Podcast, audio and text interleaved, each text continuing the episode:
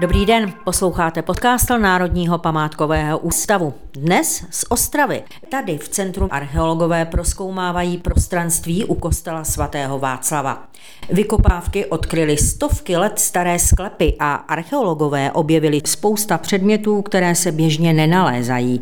Některé artefakty pochází už z 15. století. Jak žili ostravané ve středověku? I o tom si teď budu povídat s ředitelem územního odborného pracoviště Národního památkového ústavu v Ostravě Michalem Zezulou. Vítejte v podcastu Národního památkového ústavu. Dobrý den.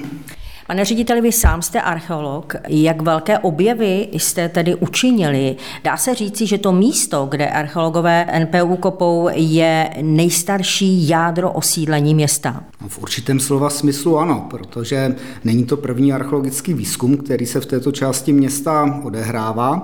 Výzkumy zde probíhaly v souvislosti s opravami kostela svatého Václava už v 70. letech i později v době kolem přelomu tisíciletí. Proskoumáno bylo také staveniště biskupství Ostravsko-Opavského, které se nachází hned vedle kostela. No a právě z těchto míst máme doposud nejstarší nálezy, které mají spojitost s předlokačním osídlením, to znamená s osídlením, které zde bylo ještě před založením města biskupem Brunem ze Schaumburka. Jedná se o keramické fragmenty, které doplňuje i takový drobný šperk záušnice, ta byla získána zase výzkumem na Masarykově náměstí a tyto artefakty vypovídají o tom, že lidé sídlili v Ostravě už někdy kolem přelomu 12. a 13. století a zřejmě tady toto nejstarší osídlení souvisí se snahou Olomouckého biskupství osídlit místo při tehdejší moravsko-polské hranici, které teprve krátce se předtím se stalo součástí českého státu. Čili to osídlení, pokud to správně chápu, bylo blízko té stezky, která vedla z Moravy na Slesko? Určitě. Ostrava leží vlastně pod soutokem Odry a Ostravice a jednalo se o velmi komunikačně exponované území, které bylo osídleno už v paleolitu ve starší době kamenné. To jsou ty známé nálezy na Landeku, spojované s takzvanými eh, lovci mamutů a eh, spojnice mezi pozdějším mezi Opavském a Krakovském zde existovala zcela jistě už v raném středověku. Mm. Podle čeho, podle jakých technologií se dá určit stáří té lokality? Vy jste řekl, že to osídlení bylo už někdy ve 12. století. Jak to poznáte? Těch datovacích metod je celá řada. Dá se zjistit s specializovanými analytickými metodami, třeba radiokarbonovou analýzou, přesné datování těch zuhelnatělých artefaktů nebo jiných organických mod. Velmi nám pomáhá dendrochronologie, což je metoda datování dřeva, která je zaměřena na to, že se měří vzdálenosti mezi letokruhy a ty naměřené vzdálenosti se potom porovnávají se standardizovanými křivkami. Tam je možné, pokud je to dřevo dobře zachovalé a má dostatečný počet letokruhů, zjistit nejenom rok, kdy ten strom byl skácen, ale dokonce období roční, jestli byl skácen v zimě nebo v létě daného roku. Ale pokud ta dřeva k dispozici nemáme, což nebývá vždy, tak potom takovým základním datovacím, eh, datovací metodou je rozbor eh, nálezu, typologický rozbor nálezu, jejich chronologické zařazení. Používá se k tomu keramika, kuchyňská, stolní se vyvíjela v průběhu historie a na základě nějakých technologických znaků výzdoby nebo stvárnění okraje dokážeme v případě středověku tu keramiku datovat, řekněme, v rámci nějakých čtvrtstoletí. Takže co jste tam všechno na tom kostelním náměstí našli? Je to tak, že většina nálezů tedy odpovídá vybavení té typické středověké měšťanské domácnosti? Ano, je to přesně tak. Jednalo se o čtyři parcely městské, čtyři městské domy, které patřily k takové té nejdůležitější vrstvě nemovitosti v Ostravě. Ty domy disponovaly právem vařit pivo a nalévat víno, což bylo v ekonomice těch měšťanských domácností velmi důležité ten současný výzkum vlastně oproti jiným zkoumaným plochám je význačný v tom, že je celá ta situace velmi málo narušená mladšími sklepy, suterény z 19. a 20. století, kdy se město prošlo bouřlivým stavebním vývojem, takže zde můžeme sledovat velmi pěkně vlastně celou tu parcelu od eh, domu v jejím čele až přes eh, nějaké hospodářské hygienické zázemí až eh, k těm zadním částem.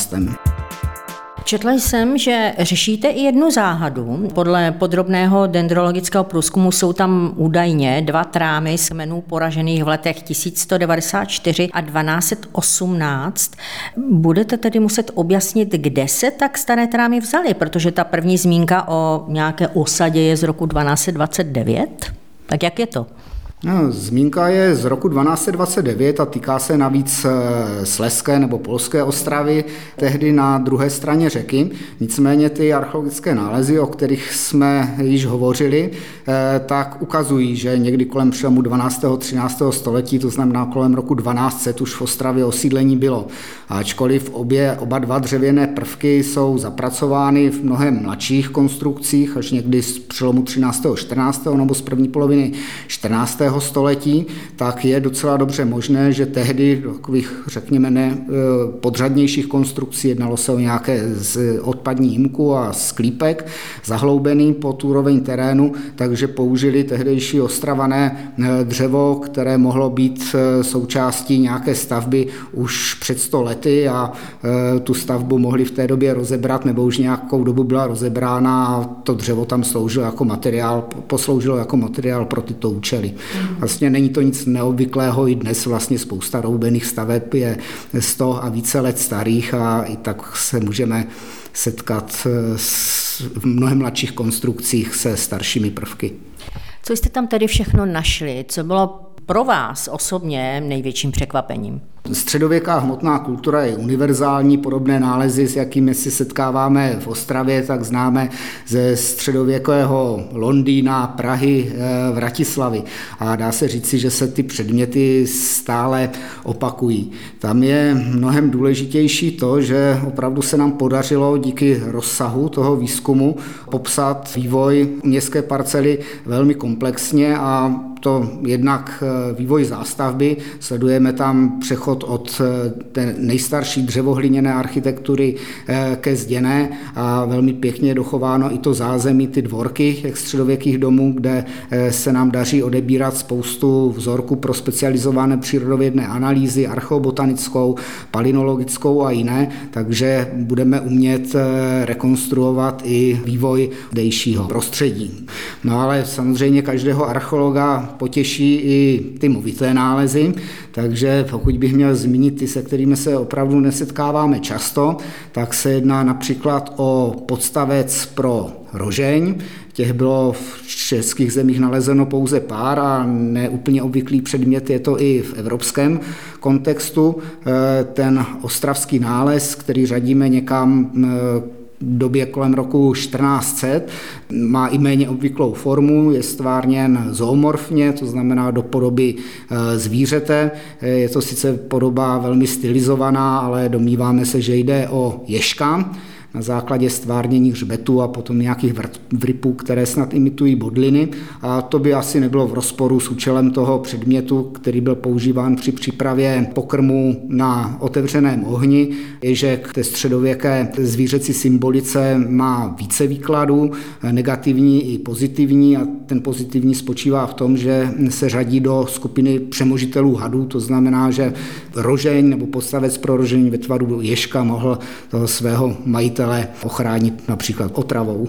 Jak dlouho ještě ty vykopávky potrvají, vám počasí, pane řediteli, mimořádně přeje. Přesto nalezené předměty tedy z toho konstelního náměstí teď budou archeologové zkoumat asi v laboratořích. Nicméně není vyloučeno, že ještě něco vykopete, takže jaký čas ještě máte? Ten výzkum byl, měl být dokončen do konce letošního roku, takže máme před sebou ještě tři měsíce a něco. Teď už se dostáváme právě do těch zadních částí parcel, kde ta nálezová situace je o něco jednodušší a i těch nálezů je poněkud méně než v tom jádru osídlení. Vy jste naznačil v úvodu, že to není poprvé, co archeologové v Ostravě odkrývají nebo odkryli tajemství života ve středověku. Dá se říci tedy, že Ostrava je vyloženě bohatá na tato naleziště? Jako každé město, jehož kořeny tkví ve středověku, je jedním velkým archeologickým nalezištěm. Ten terén ve městech se neustále zvedal. Ta úroveň, na které se začal odehrávat v Ostravě život někdy v tom 13. století, tak je zhruba metr a půl, někde až dva metry pod tou současnou úrovní povrchu. A všechny ty vrstvy jsou nabité archeologickými nálezy, ale nejenom movitými artefakty, ale i nemovitými nálezy, to znamená všechny ty zděné konstrukce, stopy stavebního vývoje města. No a Ostrava má to specifikum, že sice nebyla zdaleka největším městem, a to ani ne zde v prostoru Moravskosleského pomezí, řadila se spíše do kategorii menších měst. Nicméně tím, že prodělala v 19. ve 20. století bouřlivý vývoj v souvislosti s rozvojem těžby uhlí a industrializací, dnes velkoměsto leží na tom poměrně malém městě středověkem a všechen ten současný stavební vývoj, který se váže zejména na zástavbu poválečných prolů, které vznikly při poválečných asanacích, tak ve velké míře odkrývá právě ty středověké vrstvy.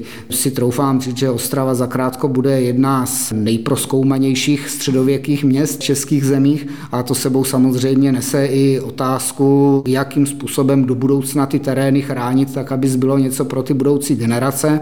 My už jsme tímhle se pokusili začít v případě předchozího většího výzkumu, kterým předcházel nové výstavbě v místě těch takzvaných laubů eh, v sousedství Masarykova náměstí a zde část eh, archeologických odkrytých sklepů po dohodě s investorem zůstala mimo půdorys eh, té, té novostavby, je zasypána a zakonzervována pro budoucnost. Vy už jste to teď zmínil, já se chci právě zeptat na ten další takzvaný výzkum Velké lauby, protože tam na to, v tom místě eh, ty velké lauby stály, byly tam i hospůdky, konec konců myslím, že jsem se to dočetla i v románu od Karin Lednické Šikmý kostel. Co právě z toho průzkumu archeologického na takzvaných eh, nových laubech eh, jste vypátrali? Tuším, že výzkum skončil před dvěma lety a dneska už se tam staví dům, tak jaké objevy jste učinili tam? Tak ta situace byla velmi podobná tomu, co dnes vidíme na kostelním náměstí. Zde se jednalo o několik eh, městských domů, které byly vlastně po druhé světové válce zbořeny.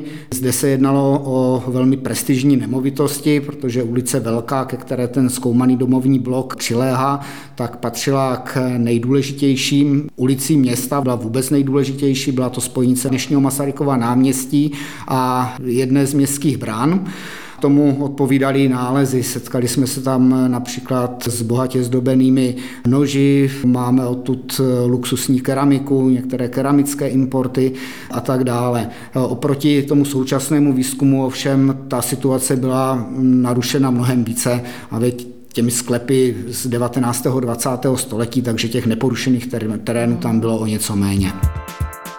Naprosto jedinečný objev se eh, podařil archeologům i v katastru ostravského obvodu Hošťálkovice. Tam odkryli 15 tisíc let starou rytinu mamuta a koně na povrchu říčního valounu. Podobný nález se v Česku nepodařil údajně desítky let. I to je objev, který dokládá mimořádnost Ostravy, co se týče archeologických nálezišť. Ano, určitě je to objev kolegů z Moravského zemského muzea. Jedná se o velmi význačnou událost, kterou bych si dovolil přirovnat k nálezu Petřkovické Venuše z 50. let minulého století. Vlastně oba dva ty artefakty náleží stejnému časovému horizontu, to znamená nějakému závěru starší doby kamene a jedná se o zcela mimořádné doklady umělecké tvořivosti člověka právě již v paleolitu. Petřkovickou Venuši občas ostravené mohou vidět, ale jak to bude s tím balounem? Vlastnictví archeologických nálezů upravuje zákon o státní památkové péči. Vzhledem tomu, že Moravské zemské muzeum je zřizováno ministerstvem kultury, tak se bude jednat o nález státní, to znamená, měl, který by měl být uložen ve státem zřizovaném muzeu, takže předpokládám, že skončí v depozitářích právě Moravského zemského muzea, což se může zdát Ostravanům jako škoda, ale v dnešní době, kdy disponujeme vlastně digitálními zobrazovacími metodami a můžeme vlastně ten předmět studovat na dálku přes internet a prohlížet si, tak není až tak důležité dnes, kde se ten předmět fyzicky nachází, ale jaký je přístup vlastně k němu, což předpokládám, že bude. A jsou ještě nějaká bílá místa, která vás trápí a která ještě čekají na nějaký rozbor, na nějaké objevy, na nějaké vysvětlení? Zcela jistě nejsme v konečné fázi lidského poznání a věci, které čekají na svoje objevení, je celá řada. Pokud zůstaneme u Ostravy, o které si dnes povídáme, tak e, zmínili jsme to předlokační osídlení, ale v současné době máme k dispozici opravdu pouze pár keramických fragmentů, několik šperků těch, těch, těch záušnic, ale o tom, jaká byla struktura toho osídlení, od kdy do kdy vlastně trvalo, eh, toho zatím mnoho nevíme, takže já osobně jsem velmi zvědavý na to, jak ty nálezy budou přibývat a eh, budeme vědět vlastně o té nejstarší nebo první středověké Ostravě více. Rozsáhlé vykopávky jste dělali nejenom tady na katastru Ostravy, ale také na katastru města Buntál. Tam jste údajně doložili stáří osídlení. Podobné doklady existence nejstaršího právního institucionálního města v republice jsou vůbec první, které se vám podařilo objevit. O jakém období se bavíme? Bavíme se opět o počátku 13. století. Já bych to trochu upřesnil, nejsou to úplně první nálezy, které se vážou časově k tomuto období nálezy vlastně ze začátku 13. století jsme se setkali již při výzkumu kostela neposkvrněného početí Pany Marie ve Starém městě, eh, které, jak dnes již víme, kterému předcházela románská trojlodní bazilika, ze které se dodnes dochoval v podvěží eh, románský ústupkový portál. A kostel procházel v minulých letech poměrně velkou rekonstrukcí podpořenou evropskými fondy a archeologické výzkumy, které se při té příležitosti realizovali, také se dostali do kontaktu s nálezy, které jsou časově spjaty s tou bruntálskou městskou lokací. O čem jste hovořila, má význam eh, jiný. Ten význam těch nálezů z letošního roku spočívá v tom, že jsme se vlastně poprvé setkali eh, s velmi dobře dochovanou sídlišní situací. Jednalo se o souterén dřevohliněného domu, nějakou těžební jámu na hlínu v jeho zázemí, ve které byly drobná pyrotechnologická zařízení, to znamená oheň využívající. Co je naprosto mimořádné, tak je kvalita i kvantita nálezového souboru. Ty nálezy, které jsme letos v létě získali, nastavení ještě jednoho z rodinných domků právě na hranici Starého města a Bruntálu na katastrální hranici, tak mnohonásobně převyšují vše, co jsme dosud eh, měli k dispozici a ty nálezy nám dokládají, že místo bylo kontinuálně osídleno od počátku 13. století do poloviny 13. století, možná nebo určitě i když nedlouhý čas po ní a asi bylo opuštěno potom s přesunem vlastně toho lokačního města do té současné podoby, do té současné polohy. Čili to byla úplná náhoda. Někdo chtěl stavět rodinný dům, byste udělali archeologický průzkum a investor si musel jak dlouho počkat, než může stavět. Ten výzkum netrval zase tak dlouhou dobu, jednalo se asi o měsíc a úplná náhoda to taky nebyla, protože my velmi pečlivě sledujeme stavební činnost ve starém městě a snažíme se vlastně archeologickým dohledem pokrýt všechny ty stavební aktivity právě s cílem získat co nejvíce informací o tom nejstarším Bruntálu. Čili budete v tom pokračovat, tam v té lokaci? Zcela jistě my jsme doplnili terénní odkryv i archeogeofyzikálním měřením ve spolupráci s kolegy z Masarykovy univerzity. Metodou magnetometrického měření byly v okolí tohoto staveniště zjištěny další a další objekty, které předpokládáme, že mají vztah k tomu eh, prvotnímu Bruntálu a i ve spolupráci s městem eh, nyní pokusíme zamyslet nad tím, jak vlastně v těch výzkumech pokračovat, protože eh, založení založení Bruntálu, vznik nejstaršího institucionálního města u nás si určitě tu pozornost zaslouží. Vy jste se podílel na řadě archeologických výzkumů, ať už v historických jádrech měst, nejen tedy Ostravy, ale i Opavy, Krnova, zmíněného Bruntálu, Starého města Karviné. Zaměřil jste se i na řadu sakrálních staveb a areálů, tedy kostelů a klášterů. Kdy a čím konkrétně vás středověk okouzlil natolik, že jste se rozhodl jeho poznávání zasvětit svůj život? Já jsem toužil studovat archeologii od malička, možná to bylo podpořeno i tím, že prateta, ke které jsem jezdíval v létě na prázdniny, bydlela v Lužicích u Hodonína, hned vedle Lužicou Mikulčice, tak už jako dítě jsem tam chodil pomáhat na archeologické výzkumy. Studium archeologie bylo jakousi první volbou po maturitě. Nicméně jsem se na poprvé na archeologii nedostal, takže jsem nějaký čas studoval historii, jak v Opavě, tak v Brně po dvou nebo třech letech eh, jsem se rozhodl zkusit štěstí znovu. No už to nebylo štěstí, přece jenom po těch třech letech vysokoškolského studia už jsem více věděl, o čem to je. Byl jsem úspěšný a to mě přivedlo k archeologii. Vy jste v roce 1997 začal pracovat v Národním památkovém ústavu. Po čase jste, se, jste byl vedoucím odboru archeologie a od roku 2012 jste ředitelem tady tohoto územního pracoviště v Ostravě. Jaký je váš osobní vztah k památkové péči? Památkovou péči považuji za něco, co na rozdíl mnoha jiných věcí dává smysl, protože se jedná skutečně o záchranu a ochranu hodnot, které nás přesahují a o které jsme povinni pečovat a předat je dále budoucím generacím. Památková péče je samozřejmě forma regulace prováděná ve veřejném zájmu a jako taková nemusí být vždycky populární. Nicméně my se dokážeme s řadou investorů a stavebníků velmi dobře domluvit případě, že někdo opravuje památku nebo nějaký historický objekt, tak může čerpat eh, z našich dokumentačních fondů i se zkušeností, dlouholetých zkušeností našich pracovníků, specialistů a mnozí stavebníci jsou za tohle vděční. Samozřejmě potom i skupina těch stavebníků, kteří to, že věc je chráněná nebo se nachází ve chráněném prostředí, tak zcela podcení a z toho potom vyplývají nejrůznější problémy. Vzniklo metodické centrum pro moderní architekturu, když si vezmeme takzvanou brutalistní architekturu 20. století, která vyvolává u odborné i laické veřejnosti velké vášně v těch kategoriích bourat nebo zanechat.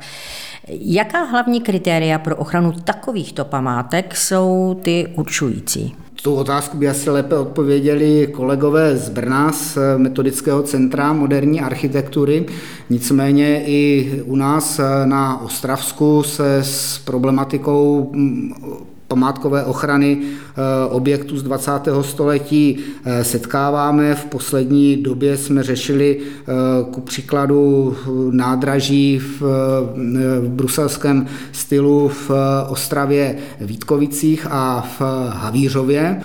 Máme zde i chráněnou památkovou zónu z druhé poloviny 20. století v Ostravě Porubě, která zase se váže na ten architektonický vliv Sorely. No a ta kritéria, ta jsou podobná jako v případě ochrany industriálního dědictví, zcela nejistě vše, co vzniklo v 60. letech, je nutno chránit, je potřeba oborovými průzkumy vytipovat ten nejvýznamnější segment v architektuře toho daného období a tam je potřeba usilovat o ochranu. Mě tak napadá, kdysi tady bylo nádherné krematorium v kubistickém stylu, to už je zbouráno. Dá se toho litovat? Určitě Ostrava přišla ve druhé polovině 20. století o mnoho cených budov, nicméně v případě krematoria dnes můžeme očekávat docela zajímavou náhradu v místě Hřbitova při ulici 28. října. Vznikla později na přelomu 50. 60. let Dům kultury, který nyní prochází rekonstrukci a architektonická soutěž, která se konala pro jeho přístavbu, tak ten vítězný návrh počítá s velmi zajímavým, architektonicky zajímavým objektem. Svého času tady vzbuzovaly vášně i výstavy a nové knihovny nebo nového obchodního domu Karolína, která byla nazývána Fukushimou. Váš názor? ta výstavba na Karolíně, tak tam měla velké ambice, které si troufám říct, že se zcela nenaplnily. Navíc se ukázalo, že takto rozsáhlý obchodní komplex mimo historické jádro sebou nese i spoustu sociálních a ekonomických problémů z hlediska historického jádra města. Na určitý čas doslova z centra ta Nová Karolina vysála život, nyní už ale ta situace je lepší. V centru je živěji, je tam mnoho byster, restaurací a podobně. Co se týče té nové knihovny, tak to je objekt, který je nesmírně potřeba. Projekt eh, od architektů Kuby a Pilaře je stále aktuální. V současné době se uchází o podporu z těch fondů spravedlivé transformace pro nevýhodněné regiony a má to být eh, nyní vlastně nejenom knihovna, ale i centrum digitalizace a pokud by ten projekt uspěl, podařilo se ji zrealizovat, tak si myslím, že může Ostravu posunout zase někam dále. Současné době je kolem mrakodrapu poněkud eh, klidněji. Ty informace, které máme k dispozici, jsou o tom, že takto vysoký objekt zde není možné postavit ani z hlediska statické únosnosti podloží, takže jsme zaznamenali v médiích úvahy, že by tam mohly být nějaké výškové budovy dvě menší, ale i to z hlediska památkové péče zcela jistě není uspokojující, protože se jedná o objekt v městské památkové zóně a pokud by zde objekt, který by byl takto předimenzovaný, vznikl, tak by zcela jistě velmi negativně stoupil do všech možných pohledů, jak na městskou památkovou zónu, tak směrem z ní. A opět, když je to otázka, která památkové péči úplně nepřísluší, zde nemáme informace o tom, že by byly nějakým způsobem vyhodnoceny jiné aspekty, například dopravní obslužnost takto, velkých, takto velké stavby a je otázka, jestli by se nezopakovala zopakoval i ten negativní efekt, který jsme viděli v případě výstavby Nové Karoliny s novými obchodními plochami. Co památkové pečuče přísluší, je i zájem o obchodní dům Breda v Opavě. Tam si to vzalo za úkol město. Vznikla tam silná občanská iniciativa, která si vzala za úkol zachránit tento krásný obchodní dům. Vy jste Opavák, konec konců detašované pracoviště Národního památkového ústavu, co se týče odborné péče, máte i v Opavě. Tak jak to vypadá tam? V případě Bredy se skutečně blízká na lepší časy. Naprosto průlomové bylo rozhodnutí města nebo dohoda se správcem konkurzní podstaty tohoto objektu o odkupu objektu, takže v současné době obchodní dům Breda patří statutárnímu městu Opava, které tam zahájilo i hned částečnou rekonstrukci. Jedná se o opravu pláště budovy a výměnu oken, které vlastně v důsledku neudržby byly již v havarijním stavu, budou nyní nahrazeny replikami. Samozřejmě Národní památkový ústav k tomu vydává svoje odborná vyjádření a kolegyně garantka území je členkou skupiny, která se těmi osudy budoucími obchodního domu Breda zabývá. V té souvislosti mi napadá osud tady obchodního domu Ostravica, kousek od nákupního centra Karolína tam zdá se, ta rekonstrukce stojí, nebo děje se tam něco? Naopak, rekonstrukce spěje zdárně ke konci a mělo by zde vzniknout taky kulturní společenské centrum. Hodně jsme diskutovali o podobě fasád jednoho z těch objektů, protože se jedná vlastně o tři domy, které byly propojeny vlastně do jednoho, ale i tam došlo k dohodě a Ostravica je s tím objektem, který se obrací svým průčelím do ulice 28. října, tak získá velmi estetickou historizující podobu. To mě těší jako ostravačku, že se brzo dočkám i nové Ostravice s novým zadáním. Nicméně Národní památkový ústav slaví v tomto roce 20 let od svého vzniku. Jak by se podle vás měla vyvíjet památková péče, řekněme, pro dalších 20 let? Tak jednoznačně musí jít s dobou, musí umět reflektovat jak společenský vývoj, tak i nové materiály a technologie ve stavebnictví. Nicméně ten základ musí zůstat stále stejný. Památková péče stojí na základech z 19. století a musíme neustále umět rozpoznávat hodnoty a teprve ty poznané hodnoty jde efektivně chránit. Takže velmi důležité je, aby Národní památkový ústav, jehož 20 let si nyní připomínáme od jeho vzniku, byl stále velmi výkonnou výzkumnou organizací státní památkové péče a jak na poli stavebně historických průzkumů architektonických, tak i archeologických si stále udržoval tu kvalitu, kterou má, protože to, co neznáme, tak nedokážeme ani chránit. Jaké plány má Národní památkový ústav do budoucnosti v dnešní éře digitalizace a nástupu umělé inteligence? Co se digitalizace týče, tady se jedná určitě o revoluci i v poznání a památek eh, uměleckých děl i při vědecké činnosti. Národní památkový ústav určitě by měl dlouhodobě pracovat vlastně na digitalizaci všech svých fondů, které zase umožní potom se věnovat eh, násobně více tématům v památkové péči, studovat přitom materiály, které jinak v té analogové podobě by byly byly velmi těžko přístupné. No a samozřejmě eh, digitalizace není jenom o papírových materiálech nebo o těch dvojrozměrných eh, záležitostech, ale dnes eh, velmi efektivní nástroj ke studiu památek jejich vývoje představuje i možnost jejich skenování, pořízení trojrozměrného modelu, který nám umožní studovat všechny odlišnosti, které nejsou pouhým okem patrné. Závěrem, co byste si, pane řediteli, pro sebe i pro Národní památkový ústav přál?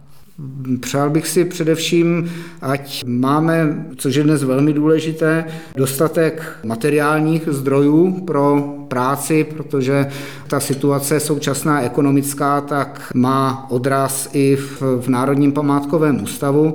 Přál bych si, ale mnohem důležitější než to materiálno jsou lidé. Kolegové, kolegyně, se kterými pracujeme, tu práci nedělají pro peníze, dělají to proto, protože věří, že ta práce má smysl a já bych si moc přál a tím to nadšení i vědomí toho smyslu, že to, co dělají, dává smysl a tím vydrží a to si myslím, že je pro Národní památkový ústav vůbec to nejdůležitější. Říká ředitel územního odborného pracoviště Národního památkového ústavu v Ostravě Michal Zezula. Moc děkuji za rozhovor. Také děkuji.